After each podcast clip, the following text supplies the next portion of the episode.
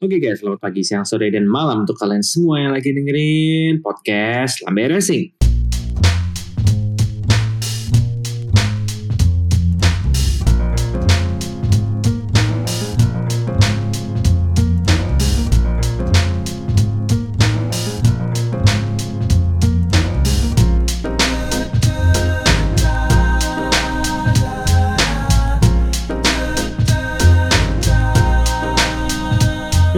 Welcome back to podcast Lambe Racing bersama gue Ditra yang akan membawa kalian di episode 46 ya. Udah sampai episode 46 ya? Wow. Buset. Jauh. Wah, spesial 46 Rossi nih. Nomor Rossi, yo i. Spesial Rossi, Yoi. tapi Rossinya udah ya nggak tahu deh. Tahu dah Rossi. Nanti, ya. nanti. Nanti, itu Baru nanti, awal nanti. langsung ngejulit nih, duh kebiasaan nih. Maafin ya. Aduh julid julid mulu nanti ada nanti kena restrict deh di komedi G-nya ayo. Ayo. Ayo. Gak ikut-ikutan. Not following. Ya ikut-ikutan dah gue, not following deh. Oke, jadi di episode ke-46 kali ini kita bakal lebih banyak bahas apa nih? Lebih banyak bahas F1 sama MotoGP kayaknya ya. Soalnya ini masternya NASCAR Indy lagi cuti kebetulan ya. Lagi nggak bisa ikut di episode kali ini. Jadi ya kayaknya kita bakal skip dulu balapan selain F1 sama MotoGP yang kebetulan yang... WEC dulu gak sih? WEC juga. Oh iya, WEC juga boleh. Kita kemarin ada yang nonton banget gak sih? Atau Gua cuman Bang nonton. Rizky doang yang nonton ya? Nonton ya? Gue Iya, non yang apa WC nonton tapi nggak nggak ngikutin banget gitu loh tiap Iya. jamnya. Gue Hmm. Sebenarnya sih, fokus ke semen- itu aneh. Gue lebih fokus ke live musik sama ada webinar online. Nah, itu dia. Sebenarnya kita nggak fokus balapannya. Kita jadi salfok sama Gue masih bingung. itu, sama si live musiknya, sama webinarnya lah, sama apanya lah itulah. tiba-tiba pencapaian Sama kan ada Sama running text segede gaben. penting anjing Iya. Aduh. Itu itu udah kayak kuliah online. Iya. Ya kuliah emang online, udah kayak kuliah online. kuliah online ini webinar gratis. sama itu sama itu juga dit sama wisuda online. Yeay. Bedanya ini gratisan. Iya sih. Ya, Kalau ya udah ya gimana ya? what you expect gratisan Iya, maksudnya kayak ya at least kita tetap juga harus berterima kasih juga ke Kui Entertainment tapi sama Shangri-La. Gratisannya ini mending Karena loh. sudah menyediakan tontonan free. Gratisannya ini mending loh. Biasa gratisan tuh Ya. burik lah, nge-lag gitu-gitu. Ini Mm-mm. Sanjaya ini masih bagus. Cuma ya itu. Masih bagus. Ada ini- ada ada dan- add- add-onsnya gitu lah. Ngeselinnya sama kayak iklan Iya. select video jadinya. Iya sih, cuman kayak the most important thing tuh ini gratisan yang legal. Legal loh ini. Yoi. Iya, legal. Thank you, Jadi kita biasanya kan kalau kita gratisan kita baca kan ya, Mm-mm. Iya, iya. itu. Melanggar hukum gitu kan, tidak beretika. Ini kita nonton, Aduh, aduh. aduh, Ada apa enggak? Lempar ada apa dengan etika? Ada apa dengan etika? Mohon dicopot ya. Ya, tapi nggak di sini orangnya. Itu liverynya tidak beretika. Ups. Nih kalau nih kalau yang mendengar ada yang ngerasa ya udahlah nggak apa-apa ya. Twitter dijulitin, di sini dijulitin juga. Emang bener-bener niat war ya sama. Iya kemarin eh, kemarin iya ada sih kita kita sering ngebait itu ada yang kepancing juga kan kayak kita ribut-ribut sama Mas Geledek Formula Geledek ada yang kepancing satu orang. Iya. Padahal Iya, ya, iya. niatnya bercanda doang, Ci. Iya kita bercanda doang kenapa sih kayak Ya, ya ribut-ribut masalah online kayak gitu ujung-ujungnya di di Taco Bell malah kita ketawain orang. iya kan iya kita pas ketemu di Taco Bell juga kalian kayaknya oke-oke aja dan emang gak ada masalah namanya juga cengeng-cengeng biasa apa sih orang-orang pada serius amat Biasa buset di belakang di belakang layar. Wajar Twitter, what to expect. Eh, aduh Ladang gulit. isinya Sebenarnya-. Sebenarnya kebanyakan sih, kebanyakan kita adem-adem, cuman ada satu dua lah kayak kayak inilah kan kayak kuman kan bersin tuh eh kayak sabun kan nggak bersin 100% tapi 99,9% jadi masih bisa dikit lah. Kayaknya gue tahu nih sih? ngomongin apa. aduh, aduh, Mulai. aduh, aduh, aduh, aduh. Ya Hmm. mungkin jangan dielaborate nanti. Nggak usah, nanti nggak usah, tambah nggak usah ribut itu dilanjutin, usah dilanjutin. Ini, Nggak ini cuma analogi doang, ini cuma analogi. Ya oke oke.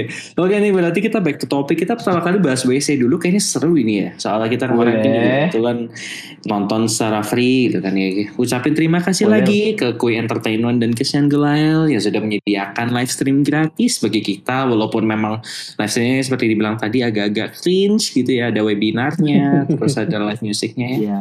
Ya udah kita langsung lewatin aja tuh eh, gimmick-gimmick aneh-aneh itu. Kita langsung ke balapannya. Tanggapannya gimana WEC kemarin Lumayan seru sih. seru ya untuk pembuka ya Kecuali kecuali hypercar. Seru doang ya. Oh iyalah. Perkara apa? Hypercar justru seru juga sih sebenarnya kalau hypercar kalau lo lihat di sekitaran dua jam terakhir sebenarnya seru juga. Oh, gue gue gue lihat. Oh, Gua- tahu. gua Toyota ngikutin. ngebotol, Toyota ngebotol lagi iya kebiasaan. botol Oh, garis ke botol. Biasa nomor berapa sih? Tujuh ya? Yang tujuh, yang ketujuh kejedot. Tujuh, nomor tujuh, iya. Dia lock up kan kalau nggak salah Iya lock up. lock up terus habis itu di tikungan berapa ya gue lupa Iya Setelah iya, setelah itu nggak sih? Setelah apa namanya? Eh yang lurusan Camel itu. Camel Iya, Street. iya, Ah iya. iya, Kemal, iya Kemal. itu. Iya, iya, iya. Terus habis itu langsung disalib sama si Matmut kan, Alpin. Iya, iya. Alpinnya ngebotol juga. Lah ini gimana? Iya, what you expect from itu di menit-menit terakhir lagi kayak satu jam terakhir gak sih yang gue lihat? Tato masuk pit ya, gara-gara kenapa sih? Atau gak masuk pit? Gue lupa deh. masuk masuk pit. Masuk ya? Kenapa sih? Masuk bentar. Puncture kalau gak salah ya. Lupa. Pang, iya pangcir ban ban kanannya ban kanannya kalau nggak Ah. salah. Seinget gue. Dan kanan Jadi dia ke pit stop ganti ban kanan doang gitu. Sedih banget ya. Kayak udah akhir-akhir langsung terus. mengalami pecah ban ya langsung di akhir-akhir. Itu padahal kalau misalkan Alpin menang beneran udah heboh sih. Malu-maluin. Malu-maluin Toyota. udah balapan literally balapan sendirian. Ya? sendirian. Hybrid sendirian. Kok bisa kalah? Tapi what you expect juga from hybrid pasti kan hybrid kalau di lurusan emang kalah dari histori Iya. Iya. Iya, iya, emang. Iya, betul. Mereka di WWC. Bahkan lo lihatnya di testingnya mereka di prolog berapa kali itu yang anak-anak LMH tuh ditai-taiin sama anak-anak LMP itu. Oh iya loh.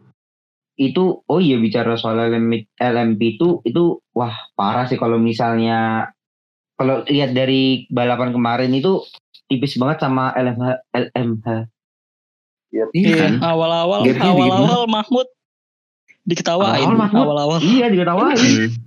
Diketawain United banget sih. Hypercar. Sampai setengah jaman ada kayaknya. Bedanya Tuh, tuh kayak cuman dua di ba- dua detik di bawah gitu loh. Nah. Nah lo.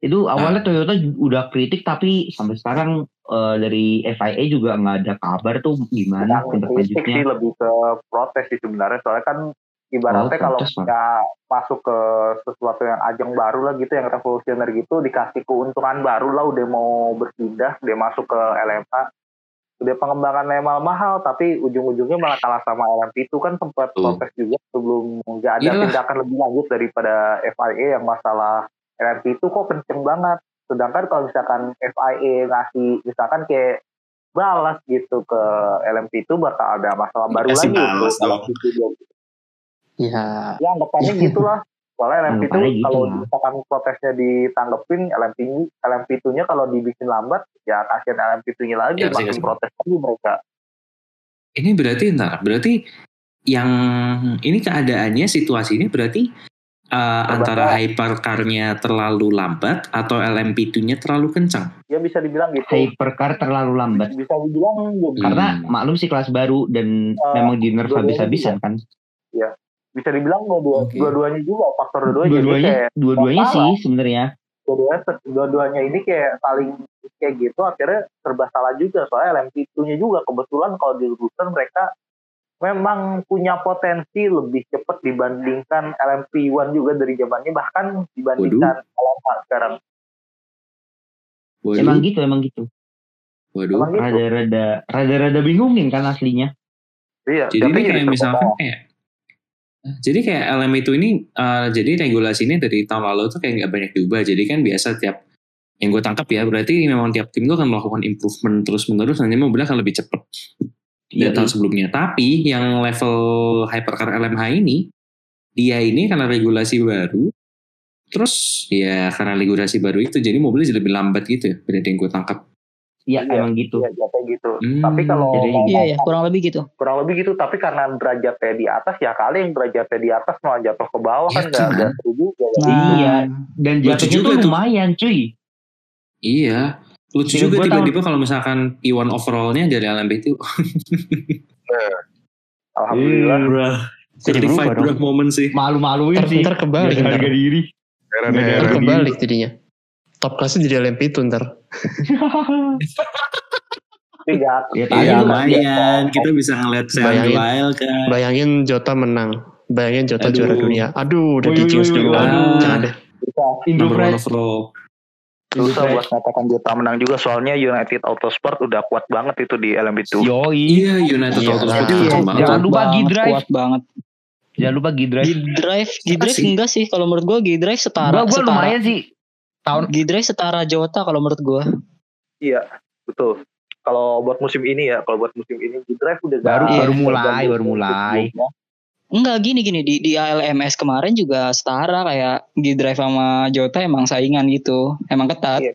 tapi emang United Autosport Rada ketat, tapi- oh, Hmm. kalau United udah beda kelas, udah udah di atasnya lagi gitu loh. Nah, United tuh kayak Mercedesnya itu gak sih Enggak ya? sampai dibilang Mercedes juga Nggak sih. bisa Mercedes cuman kayak memang one Tapi emang ahead emang gitu. yang paling kuat lah. Punyanya Hmm. Zac Brown kan itu. masih di bawahnya. Simpson. anakannya Papa Zack nih mantap Iya, punya jago Bapak- Papa Zack ya udah berarti setelah melihat Sultan di WC dan Podium, ya hasilnya Dia podium. dia Dia alhamdulillah podium, podium ya Podium nggak Iya. tahu lupa eh bukan nggak tahu sih lupa cara buka Champions. Gimana tuh? udah kelamaan Gimana deh. tuh? mohon maaf Kelamaan nggak podium tuh. kelamaan lah podium Ya. Padahal, padahal di Asia podium loh di Abu Dhabi. Nggak lama sih harusnya. Oh iya ding. Hmm, mungkin Ya, anggap belum biasa. Anggap belum Iya, biasa. belum biasa, belum biasa, biasa. belum biasa. Kita- Jarang naik podium wajar lah ya. Ups. Oke, setelah pembuka WC di Spa Francorchamps kemarin, sekarang kita beralih ke MotoBG, eh MotoBG, MotoGP di Jerez. Ya, yang hasilnya dimenangkan sama Ducati, Ducati 1-2 ya. Iya. Akhirnya satu dua. Hajatan Itali. Hajatan. Hajatan Hmm. Dan kelihatannya ada yang mulai nih menunjukkan simptom awal kebotolannya. Gimana nih tanggapannya? Mau dibahas dari mana dulu? aduh. MotoBG? Di Ducati dulu lah, mending mending dibahas dari Ducati dulu deh. Nah, emang gila Ducati ya. Sebenarnya Ternyata. dari Ducati sendiri, akhirnya mereka udah di Qatar, mereka ada chance gitu. Sayangnya ada banyak cerita bagi mereka dan akhirnya alhamdulillah sekarang sampean juga hajatan mereka. Bahkan ini bisa dibilang bukan sebatas hajatan Ducati bisa satu dua tapi hajatan Italia soalnya di belakangnya ada Morbidelli loh. Hmm, Iya. Hmm, Bisa. Widih. Widih. Tapi hajatan Morbidelli. Pasti one to tim Itali dan tiganya ada rider Itali. Terus juga menarik loh kalau kita lihat nih. Jack Miller untuk kedua kalinya menang. Dia terakhir kali menang lima tahun yang lalu di Asen. Dan untuk membuat seorang Jack Miller menang membutuhkan suatu kejadian yang menimpa Yamaha yang sedang lead. Iya mirip ya. Dan dulu juga ya. Ya dulu dulu pas di Asen dia menang Rossi jatuh tiba-tiba lagi leading dan sekarang Fabio Quartararo lagi leading kumat dia amparnya. Aduh.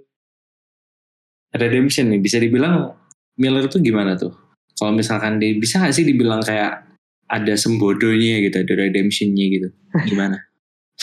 Kita nggak tahu. Semoga aja, semoga aja bahasanya udah lima tahun ini Miller dianggap sebagai rider yang bagus, potensial, future icon bagi MotoGP, tapi kita lihat hitung terakhir kali dia menang sebelum di Jerez tuh terakhir kali dia menang bahkan tuh lima tahun yang lalu 2016 untuk dibilang sebagai future icon MotoGP pun rasanya agak overrated juga. Hype terlalu gede tapi hasilnya ya mah gitu masih unstable dia. Oke, oke. Ya image-nya selama sebelum menang tuh ya masih cuma podium finisher dulu. Iya tuh, Iya, podium doang. iya. Bukan iya, menang. podium juga, Iya. nggak nggak menang-menang. Akhirnya baru kemarin juga alhamdulillah kesampaian walaupun ada sedikit berbau giveaway hasil ya ada tragedi yang An- Quartararo. Tragedi apa tanda-tanda kebotolan tuh? Tragedi sih maksudnya Quartararo-nya dia arm pump, Mm-mm, dia arm pump. arm pump, Waduh. Gimana Komat. tuh? Dia, cedera arm. Aduh. Baru tadi operasi dia, Aduh. makanya pas di testing Harris dia nggak bisa ikut. Testing Harris hari ini. Emang dia cederanya di mana di lengannya atau di mana di dia? lengannya, di lengannya dia kena arm pump. Arm pump tuh? Ah, arm pump.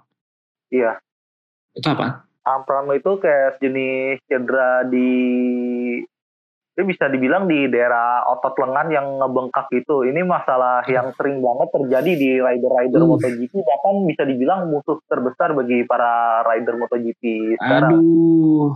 Aduh. Bekasnya permanen dah. Sebenarnya nggak nggak permanen tapi mempengaruhi. Tapi kalau misalkan kumatnya bolak-balik bisa berkemungkinan menjadi agak permanen lah gitu. Waduh. Nah, ya udah kita doain berarti semoga cepat sembuh. Korta Tayo. GWS. GWS. GWS. Bisa dia bisa ikut di next round cuman untuk testing di Heres hari ini dia nggak bisa ikut dia Hmm. lagi baru ya operasi tadi tadi siang bisa Hmm, oke oke. Terus kalau dilihat dari rekan setimnya Tayo nih, Finales. Aduh, gimana Finales? Kayak biasa lah. Kalau kalau udah mendengar Maverick Vinales kita nggak bisa jauh-jauh untuk memberikan nickname Saturday Rider. Mungkin masih lah masih cocok buat dia.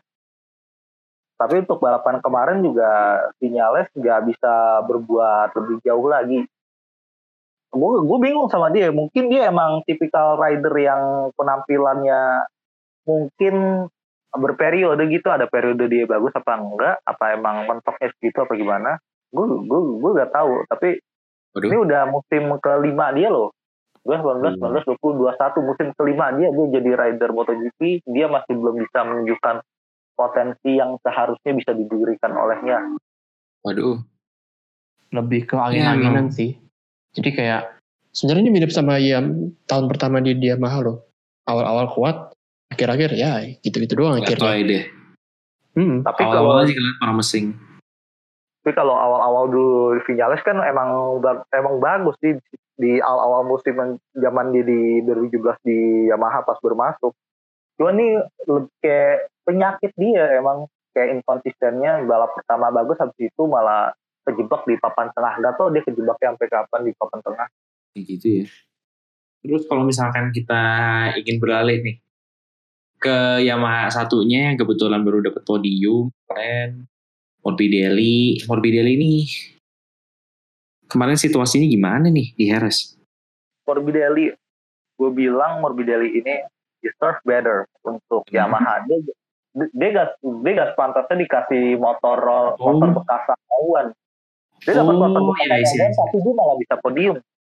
Waduh, Bisa dibilang- iya, benar juga. Bisa dibilang underrated gak sih dia kalau di antara rider-rider yang bisa nyentuh podium mungkin dia yang underrated. Bahkan Jorge Lorenzo pun benar-benar bingung kenapa si Morbidelli ini dikasih motor bekas padahal dia sebenarnya bagus. Secara form juga mungkin bisa dibilang oke, lebih oke dibandingkan Quartararo. Secara konsistensinya beda lah sama Quartararo. Lo lihatnya kayak dia misalkan lagi kejebak di posisi belakang situasinya pasti gak jauh-jauh dari ada permasalahan di Morbidelli-nya beda sama Quartararo mungkin kayak Quartararo ada karakteristik di mana ada track yang cocok sama dia sama ada track yang kurang cocok sama dia Hmm. Oke, oke. Terus kalau misalkan kita pengen gitu kan ber- kan tadi Morbidelli udah nih. Sekarang langsung nih ke ya apa yang diomongin dari yang diomongin dari tadi di awal nih. Valentino Rossi. Apa kabar Pak Rossi? Apakah sudah saatnya pensiun saja? aduh serba salah kalau bilang pensiun sih Aduh, gimana nih? Rossi pensiun waktunya atau memang nasib doang? eh gak tau lah kelihatannya nih nih orang emang ada masa dari dulu sampai sekarang kayak emang selek bukan sebatas masalah umur nih orang emang selek kan kayak ada masalah sama elektronik dia kurang bisa adaptasi dengan elektroniknya Mas Neti Marelli Waduh, oke. Kayak udah denger ratusan kali ya ini. Iya, kayak ratusan kali dia, dia, dia masalah sama ban belakang, ban belakang, ban belakang, bla bla bla bla.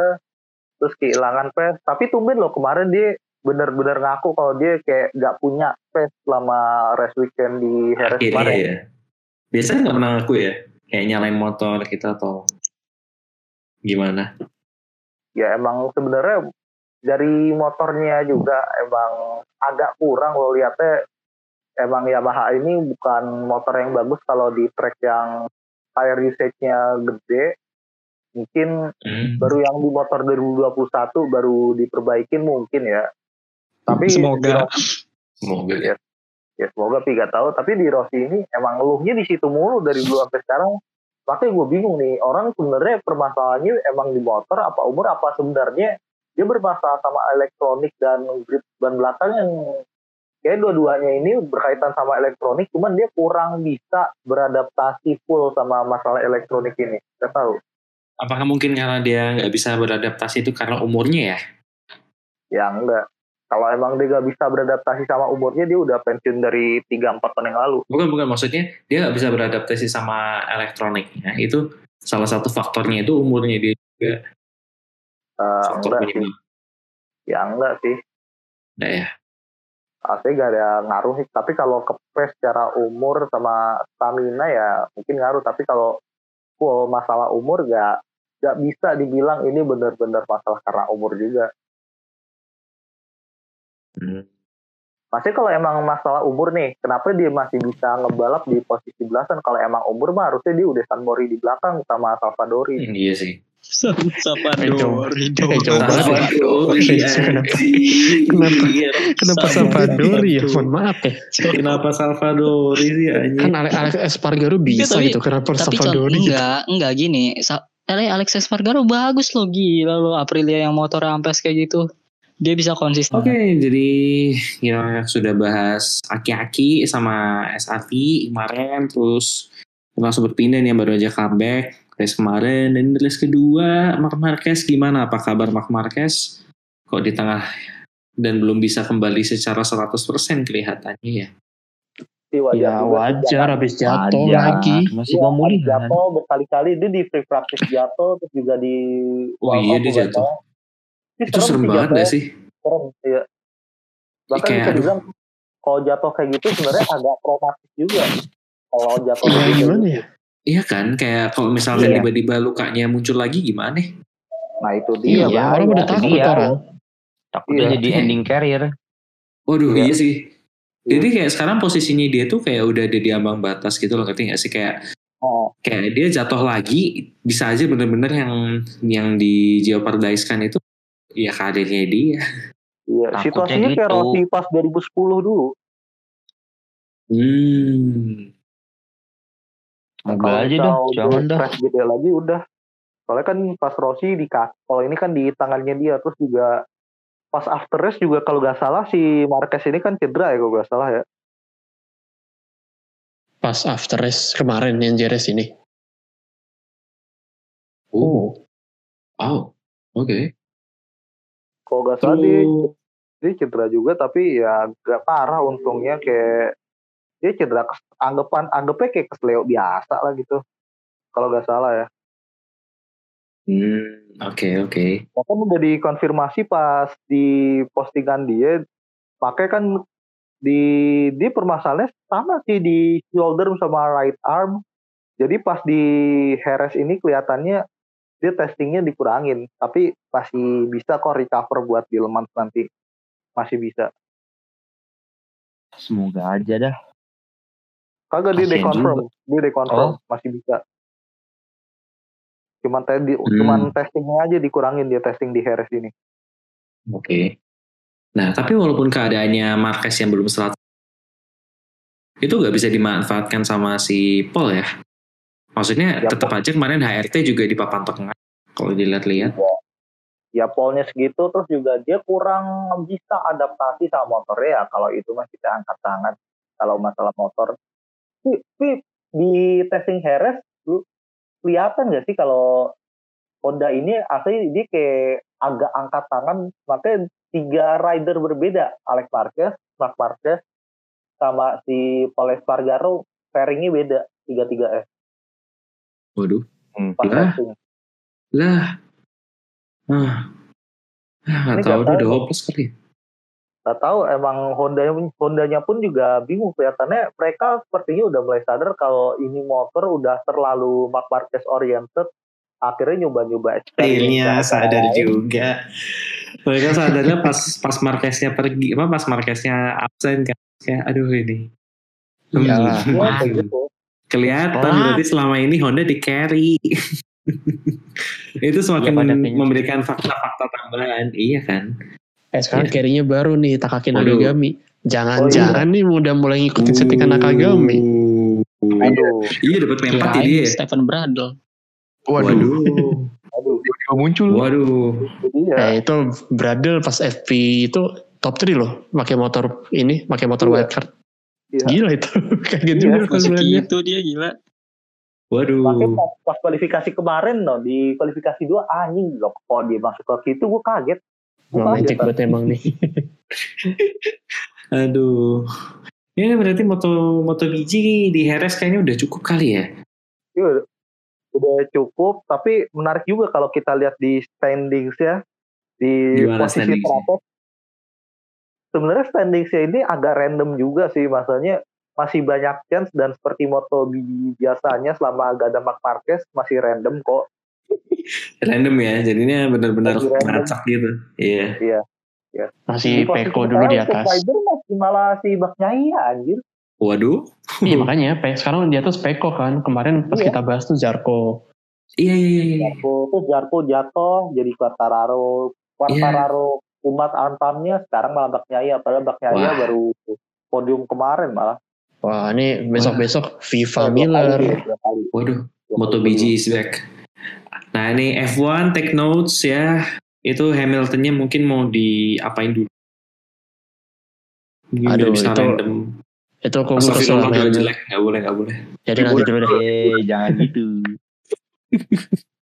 Peko dia tiga kali podiumnya bisa mimpin klasemen loh. Kapan lagi bisa kayak gini? Tapi terakhir kali gitu zamannya John Mir itu pun juga menang sekali doang. Tapi kita berharapnya John Mir menang Keren. juara dunia tapi gak menang balapan. Iya. Nah, ya udahlah berarti dengan standings yang cukup random itu kita langsung beralih aja nih ke balapan yang kayaknya boring banget nih. Kita nggak usah bahas aja kali ya. Gini gini. Ini nih boringnya dari F1. siapa Oh, dulu? mau debat Boring. nih, mau debat nih. Nah, ayo Mau gimana debat nih? Jadi gimana sih sebenarnya kalau misalkan kita lihat gini, nih kita lihat ya F1 kemarin di Portimao, ya kita lihat memang top 3-nya adalah ya udah template kan. Template. Hamilton, Template Hamilton baru, sama template tahun ini nih. Verstappen, ya baru baru baru Hamilton, Verstappen, Bottas. Tapi nggak tahu nih kalau misalkan kita bilang banyak orang yang bilang balapannya itu boring banget, boring parah gitu. Aduh, template. Tapi ada juga nih yang insist kalau ah jangan ngelihat yang menang doang, ngelihat dong jalan perjalanan perjalanan race-nya, lihat dong strategi war-nya gitu. Gimana sih sebenarnya? Jadi apakah kita ini harus berpikir bahwa balapan kemarin tuh boring apa nggak boring? Tergantung. Nih tergantung kata kunci tergantung. Nah, siapa yang mau mulai? Siapa yang mau mulai? Siapa mulai nih? Siapa yang mau mulai? Dari, dari gue, dari gue. Oke, oke. Gimana Krit? Gimana Krit? Jujur kalau kalau dari gue, mungkin gue bisa lo anggap, lo semua bisa anggap gue elitis gitu. Bahkan kalau gue nonton bola, walaupun skornya kosong-kosong, selama dari sisi taktikalnya bagus, gue masih belum bakal bilang seru. Hmm. Sama Kan. kayak kasus balapan kemarin. Kalau balapan kemarin sebenarnya kalau boring wajar, tapi untuk menyebut seru pun juga nggak wajar. Kalau lo bilang kalau balapan kemarin seru agak nggak wajar, tapi kalau lo bilang boring pun pasti wajar. Tapi untuk menyebut boring pun lo juga harus ada pertimbangan karena untuk balapan seru itu gak cuma sebatas overtake banyak. Kemarin pun overtake-nya banyak, tapi kenapa dibilang iya, boring? Itu dia. Sampai kemarin banyak. Ya, sebenarnya overtake kemarin banyak, terutama di midfield. yang jadi permasalahan adalah overtake ini kayak fight-nya kurang kayak let it go, let it go deh itu doang. Terus masuk. Iya kan? Iya, cuma setuju, setuju. Setuju, doang. setuju. Kebiasaan di Portimao. Setuju. Iya. Setuju, setuju. Overtake satu udah, hard dadah, Heeh. sampai jumpa, masuk Ini lagi satu, dadah. Udah, dadah. Bener kan maksudnya kayak ya banyak Ya gue udah. setuju sih sama Krida kayak ya udah kalau misalkan satu balapan tinggal banyak overthink gitu ya ya ya udah gitu itu tidak bisa menjadikan itu faktor bahwa lu itu bisa dijadikan fakta sebagai eh gimana sih ngomongnya itu tidak bisa dijadikan fakta bahwa balapan itu menjadi seru gitu loh ngerti gak sih Ngerti ngerti. Ah, Iya, iya, iya. Iba- Iya ibarat kan? lo ibarat lo nonton bola nonton bola dengan skor yang gede misalkan 6-4 7-5 itu gak selalu pertandingannya bagus kan barangkali 7-5 itu 12 golnya hasil bola tap in semua apa Nah. itu penalti semua Nah, gue juga mikirnya gini, kalau misalkan balapan itu gak boring ini, ada orang nih, misalkan ada orang insist banget nih, balapannya gak boring. Ini balapannya, ini balapannya kok itu ya dibilang membosankan ya, kami agak ke-trigger gitu. Itu sampai sampai kami tuh sampai mikir muter-muter soal strategi loh. Kalau misalkan lo mikir muter-muter strategi kan berarti berarti boring gak sih sampai lo harus nyari apa yang seru dari balapan itu? gak gitu juga Hmm. Nggak gitu juga. Maksudnya Iya, iya, itu juga sih. Kalau gue pola pikirnya gitu ya gimana coba cerahkan gue, Hmm. cerahkan gue. kalau kayak gitu Hmm. berarti lo sama aja lo gak kalau lo nonton bola lo gak lihat secara strategi lo nonton bola cuma ngeliatin papan skor doang jadi penikmat live score Nah itu dia. Jadi cuman melihat depannya doang gitu loh, belakangnya nggak di.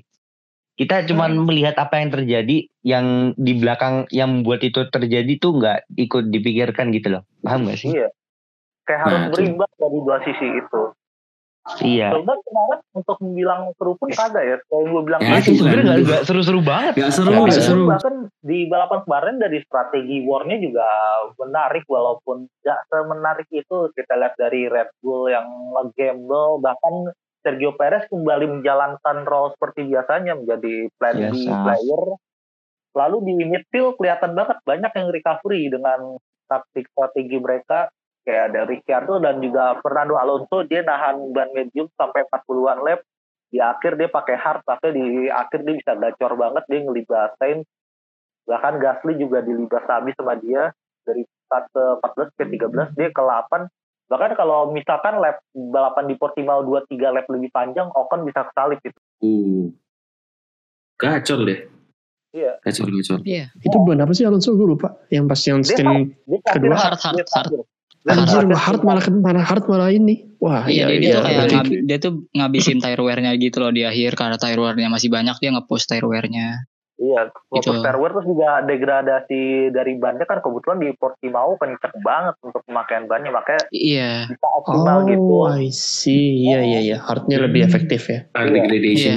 Degradation Iya. bannya tuh gila banget loh BTW. Iya. Orang Max Verstappen aja tuh di free practice dia baru 3 lap udah ngeluh vibration gitu. Iya. Terus akhirnya Udah, speed stop. udah flat spot anjir. Iya. Padahal Iya. baru Iya. 3 3 lap. Ah, makanya kemarin tuh untuk yang perang strateginya lebih di midfield kalau di depan emang strategi perang berjalan tapi sayangnya untuk aksinya gitu kurang banget. Makanya Iya, kalau sampai dibilang boring wajar Kurang. soalnya yang bikin balapan gasol itu bukan masalah overtake-nya, overtake-nya udah banyak. Kalau masalah template ya itu urusan perspektif orang. Soalnya ada orang yang nyebut kalau resource Ya. bukan hal yang mengejutkan balapannya auto boring itu kan. Justru yang bikin balapan fire gak seru itu karena fight-nya minim. Balapan udah lo ngebalap overtake gak ada fight banget dilewatin let it go Iya. udah let Iya, off. iya, iya. Sampai jumpa. Ya kayak ya kita bahkan sempat berharap Verstappen bisa nge-fight Hamilton kan. Memang awalnya kelihatannya promising gitu, tapi Iya, di stint meyakinkan. 2, stint 3 ya gak bisa Ya, ngejar uh, dropping behind kan sampai akhirnya ketinggalan udah jauh banget padahal gapnya masih jauh ke Bottas di lap-lap terakhir ya udah ya udahlah kita cari aja FL pit ganti ganti apa Jadi sih? ban soft kan. soft Ganti ya soft ah, Soft, ganti soft iya. Soft. ganti Tapi ada aduh sayang sekali Gagal Iya. sekali. Track limits. iya track limit hari mas dari Lagi-lagi. Track Lagi-lagi limit udah- track limits jadi bahasan panas. Males bahas gue track limit. ini emang nyebelin anjir track limit tuh kalau dibahas Iya. Peraturan kocak emang. Terlalu terlalu karet, terlalu double standar, gak jelas. Iya. Kayak UUD. gimana. Ah, tahu. Waduh. UU ITE nggak ada nggak ada tandingannya. waduh. Waduh. Masih masih lebih karet cuy. Track limits itu ah peraturan lawak udah. Iya. Iya. Tapi lebih karet mana sama SJW. Waduh. Waduh. Eh, Waduh. mulai. Ntar ntar podcast kita dua jam nih ah gitu ya. ya tapi tapi gue malah jadi menarik gitu loh. Tadi kan kalian uh, eh, ngomongin Alonso kan. Alonso ya. yang gacor. Itu kalau dilihat juga Ocon tuh gacor loh. Dan kalau kita ya, lihat ya. juga. Iya. Alpin tuh yeah. P7 Alpin, P8 Alpin, loh. Iya double iya, point. Ini jadi gacor gitu, bro. Alpinnya keren. Pre practice juga top 5 kalau gak salah. Oh iya iya iya, iya. iya. FB top 5 Iya dari Ada apa FV1. gerangan? Ada apa gerangan? Dari Alpine kalau bagus mereka udah upgrade. Ini upgrade mereka kedua. Soalnya upgrade yang pertama mereka di Imola kemarin upgrade-nya gagal. Abis itu mereka ngerevisi lagi upgrade-annya mana yang kurang, mana yang lebih, mana yang bisa diimprove. Hasilnya kemarin di Portimao. Uh, Uh, cakep. apakah sudah ada pertanda kebangkitan Alpine? Too early. Masih belum. Sorry, Mau betul. lah. Iya, baru masih masih satu track, masih di garis. baru satu track doang, baru, Baru satu, satu track. track. Mari kita lihat nih besok nih tracknya demanding juga nih di Spanyol di Catalunya. Aduh, kata lu. Karena- Kata lu sebenarnya stylenya mirip-mirip sih. Iya, Iya, Catalunya iya. stylenya Iya, mirip-mirip. mirip-mirip. Panas, Tire tinggi. Iya. Iya. Degradation besar. Banyak Ya, dan- corner. Mm. Oh, Bisa nggak nih P5 nih? wah ini, Itu dia pertanyaannya. wah ini. Bisa lah ya. Yuk bisa yuk. Ya, Terus gue- ayo sih ah, ayo tapi ya udahlah. Gue malah berharap ke Ferrari tapi gimana ya? Kemarin Ferrari jelek banget kemarin. Belum belum Ferrari. Ferrari. Belum belum. Tapi udah mendingan lah. Udah improve. Dia Saya masih punya harapan, nggak se nggak separah tahun kemarin, masih punya harapan. Iya. Mm. Katanya mereka baru upgrade upgrade floor ya. Kalau kalau Ferrari itu udah sekarang dia fokus ngelawan McLaren aja deh. Gak usah muluk-muluk podium, udah cari P3 konstruktor aja dulu. Dia lebih Bisa dia fokus ke Midfield dulu. Soalnya dia baru benar-benar fokusnya untuk musim depan dan udah dikonfirmasi Nah. juga sama John Elkan malah.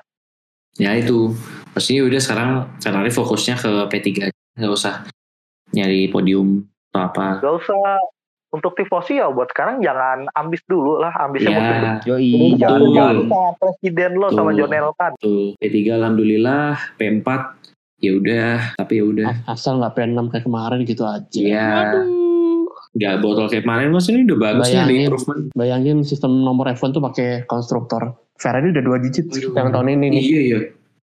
Iya iya. 11 12 nomor itu kalau misalnya pakai sistem lama. Aduh. nah ini gue jadi pengen fokus juga nih kemarin ke yang kelihatannya banget di di qualifying. P11 di Williams. Atau P12 ya? Gue lupa. 11 11 11. Apa? 11 kan? 11 yang Dan itu bagus di itu P11 lagi. di Williams. George Russell. Tapi kok pas balapan ujung-ujungnya aduh. Begitu.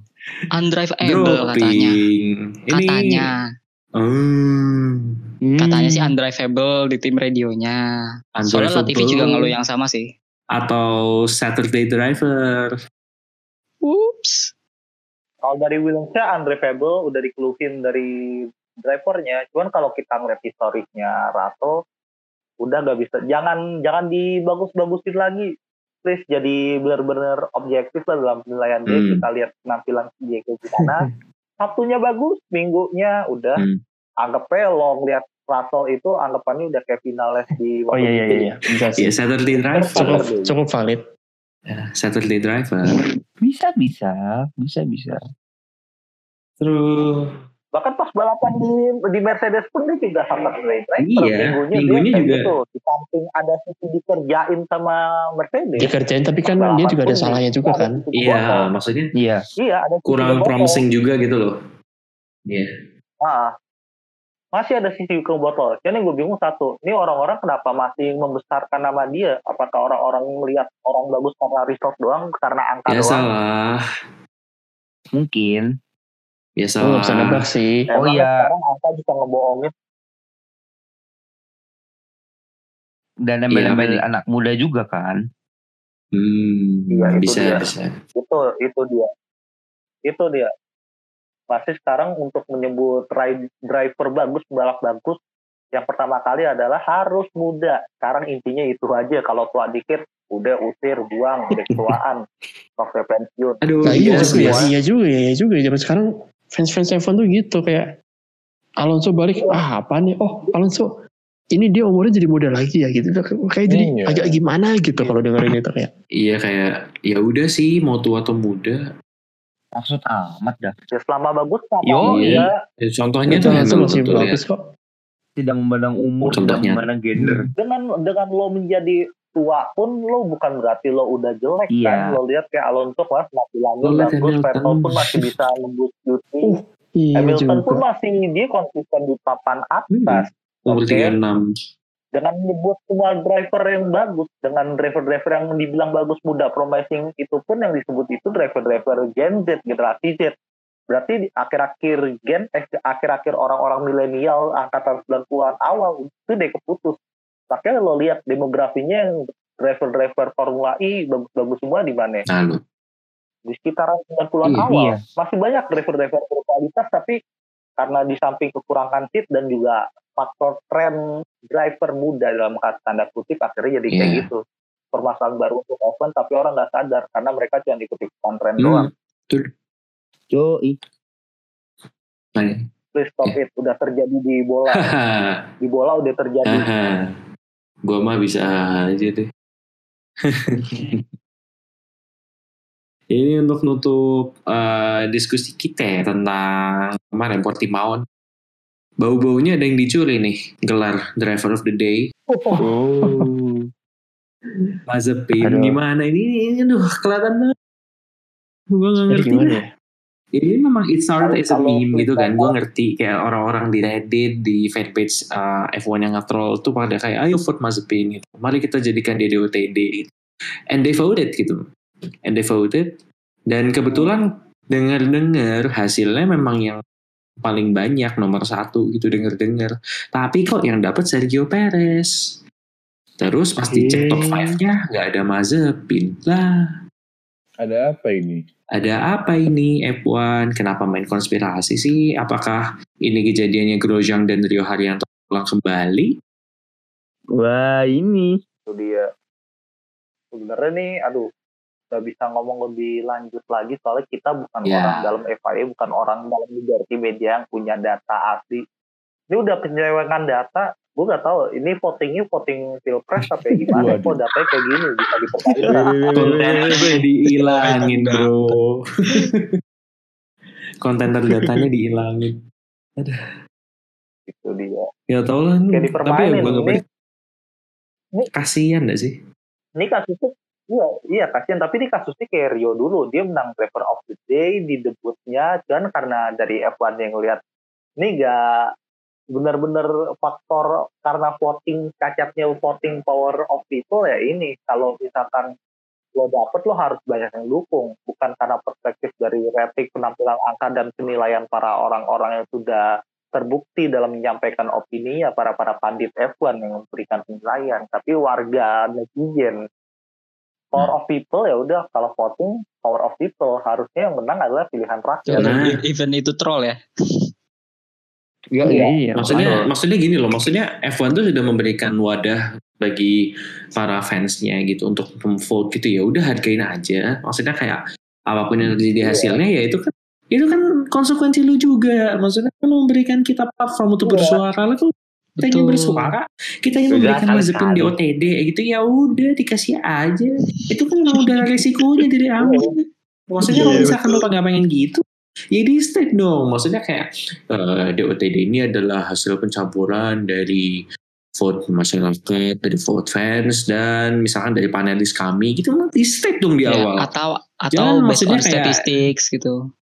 Ya kayak gitu. kalau based on result bisa sih kalau based on result. Jadi kayak Bisa, bisa banget Ya, kayak bola kayak- kayak nih orang expected goalsnya berapa, terus eh, dia kontribusinya berapa, apa mau chance creatednya berapa, interception segala macem.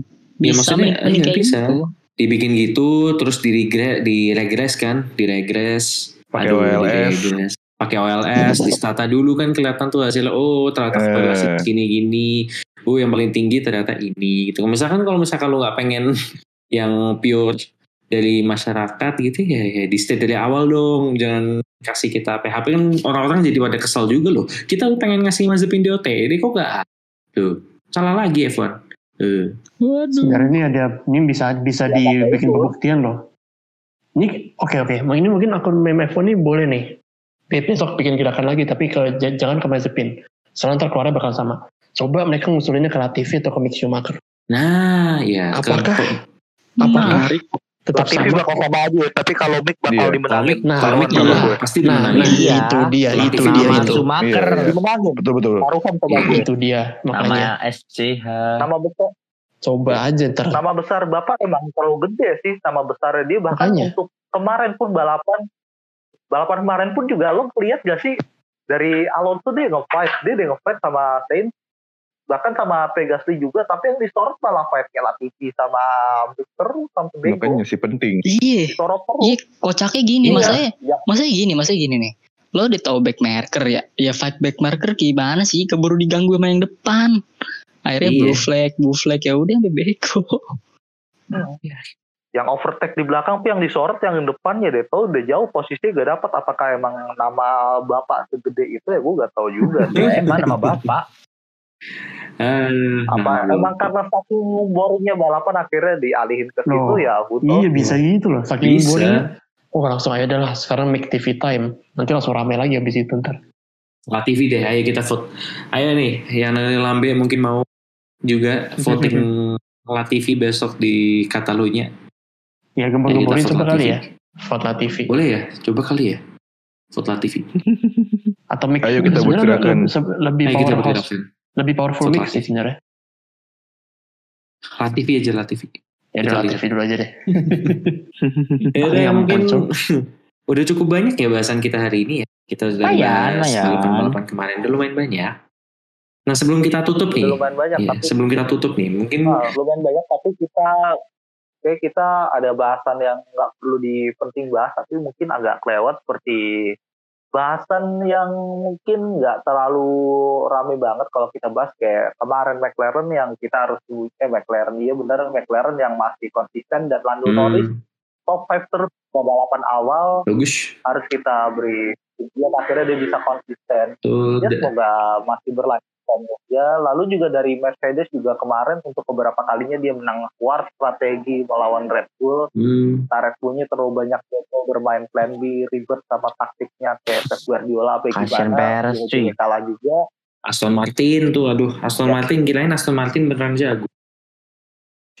Template ya baru apa yang dong. diharapkan gitu dari dari Vet- Vettel yang berada di Q3 balapannya kayak gitu dia di samping belum dapat update ya gue gak mau ngomong West kalau gue ngomong West mungkin gue bakal diguduk sama fansnya tapi terimalah kenyataan ya, mungkin jadi rekapi mungkin sekian dulu dan bahasannya. don't forget masalah Kimi kemarin Apa? ya? dan don't forget masalah Kimi kemarin sama Giovinazzi yang dia crash satu-satunya hiburan kemarin di awal balapan karena crashnya Kimi yang Oh iya. Terusnya Kimi.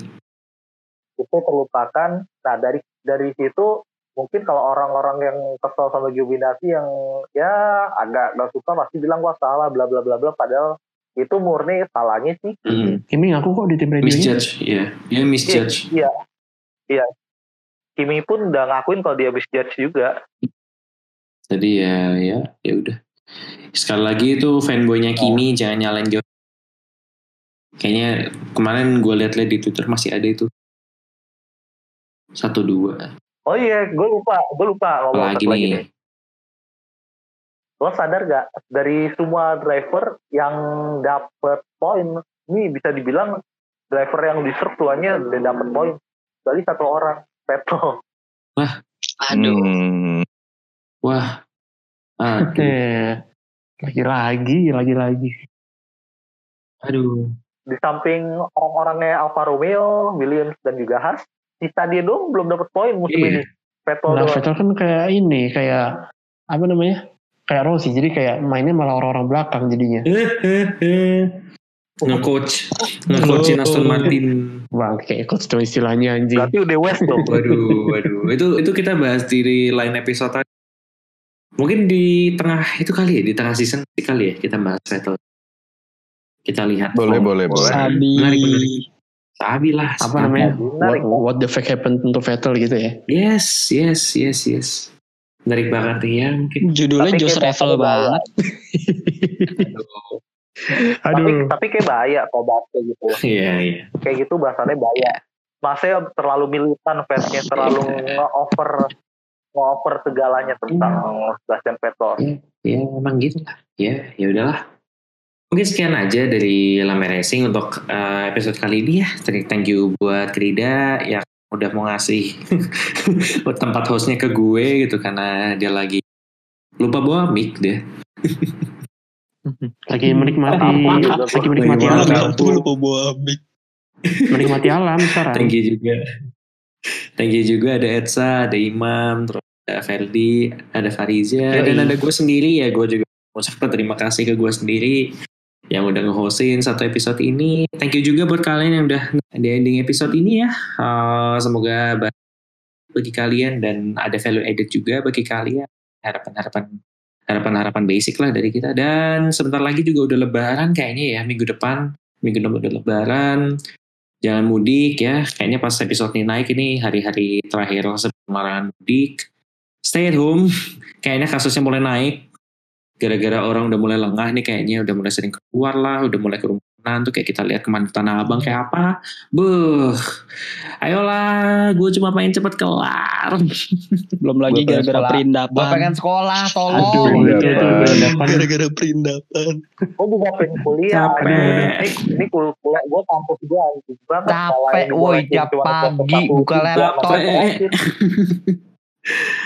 awalnya udah seneng loh awalnya kita kita dulu udah Oh ya, lo, seneng lo, turun lo, lo ngeluh capek, lo ngeluh capek. Gimana capeknya sama mahasiswa angkatan 2019 terancam dua tahun lebih bakal di Gila depan sih, iya laptop. juga. waduh Makanya ayo, ayo eh, para pendengar Lambe Racing kita juga ya, mari kita dukung supaya pandeminya cepat selesai dengan cara stay at home walaupun di liburan Lebaran ya akan mulai berjalan. Mulai kapan ya liburan ya? Tanggal 6 ya, kita hitung aja dari bandnya, dari larangannya. Oke, mungkin sekian itu aja dulu dari gue. Gue kalau nutup nggak kayak Krida, jadi kayak ya udah thank you sudah mau mendengarkan podcast Lambe Racing. Gue Ditra cabut. Bye. Ciao. thank you Bye.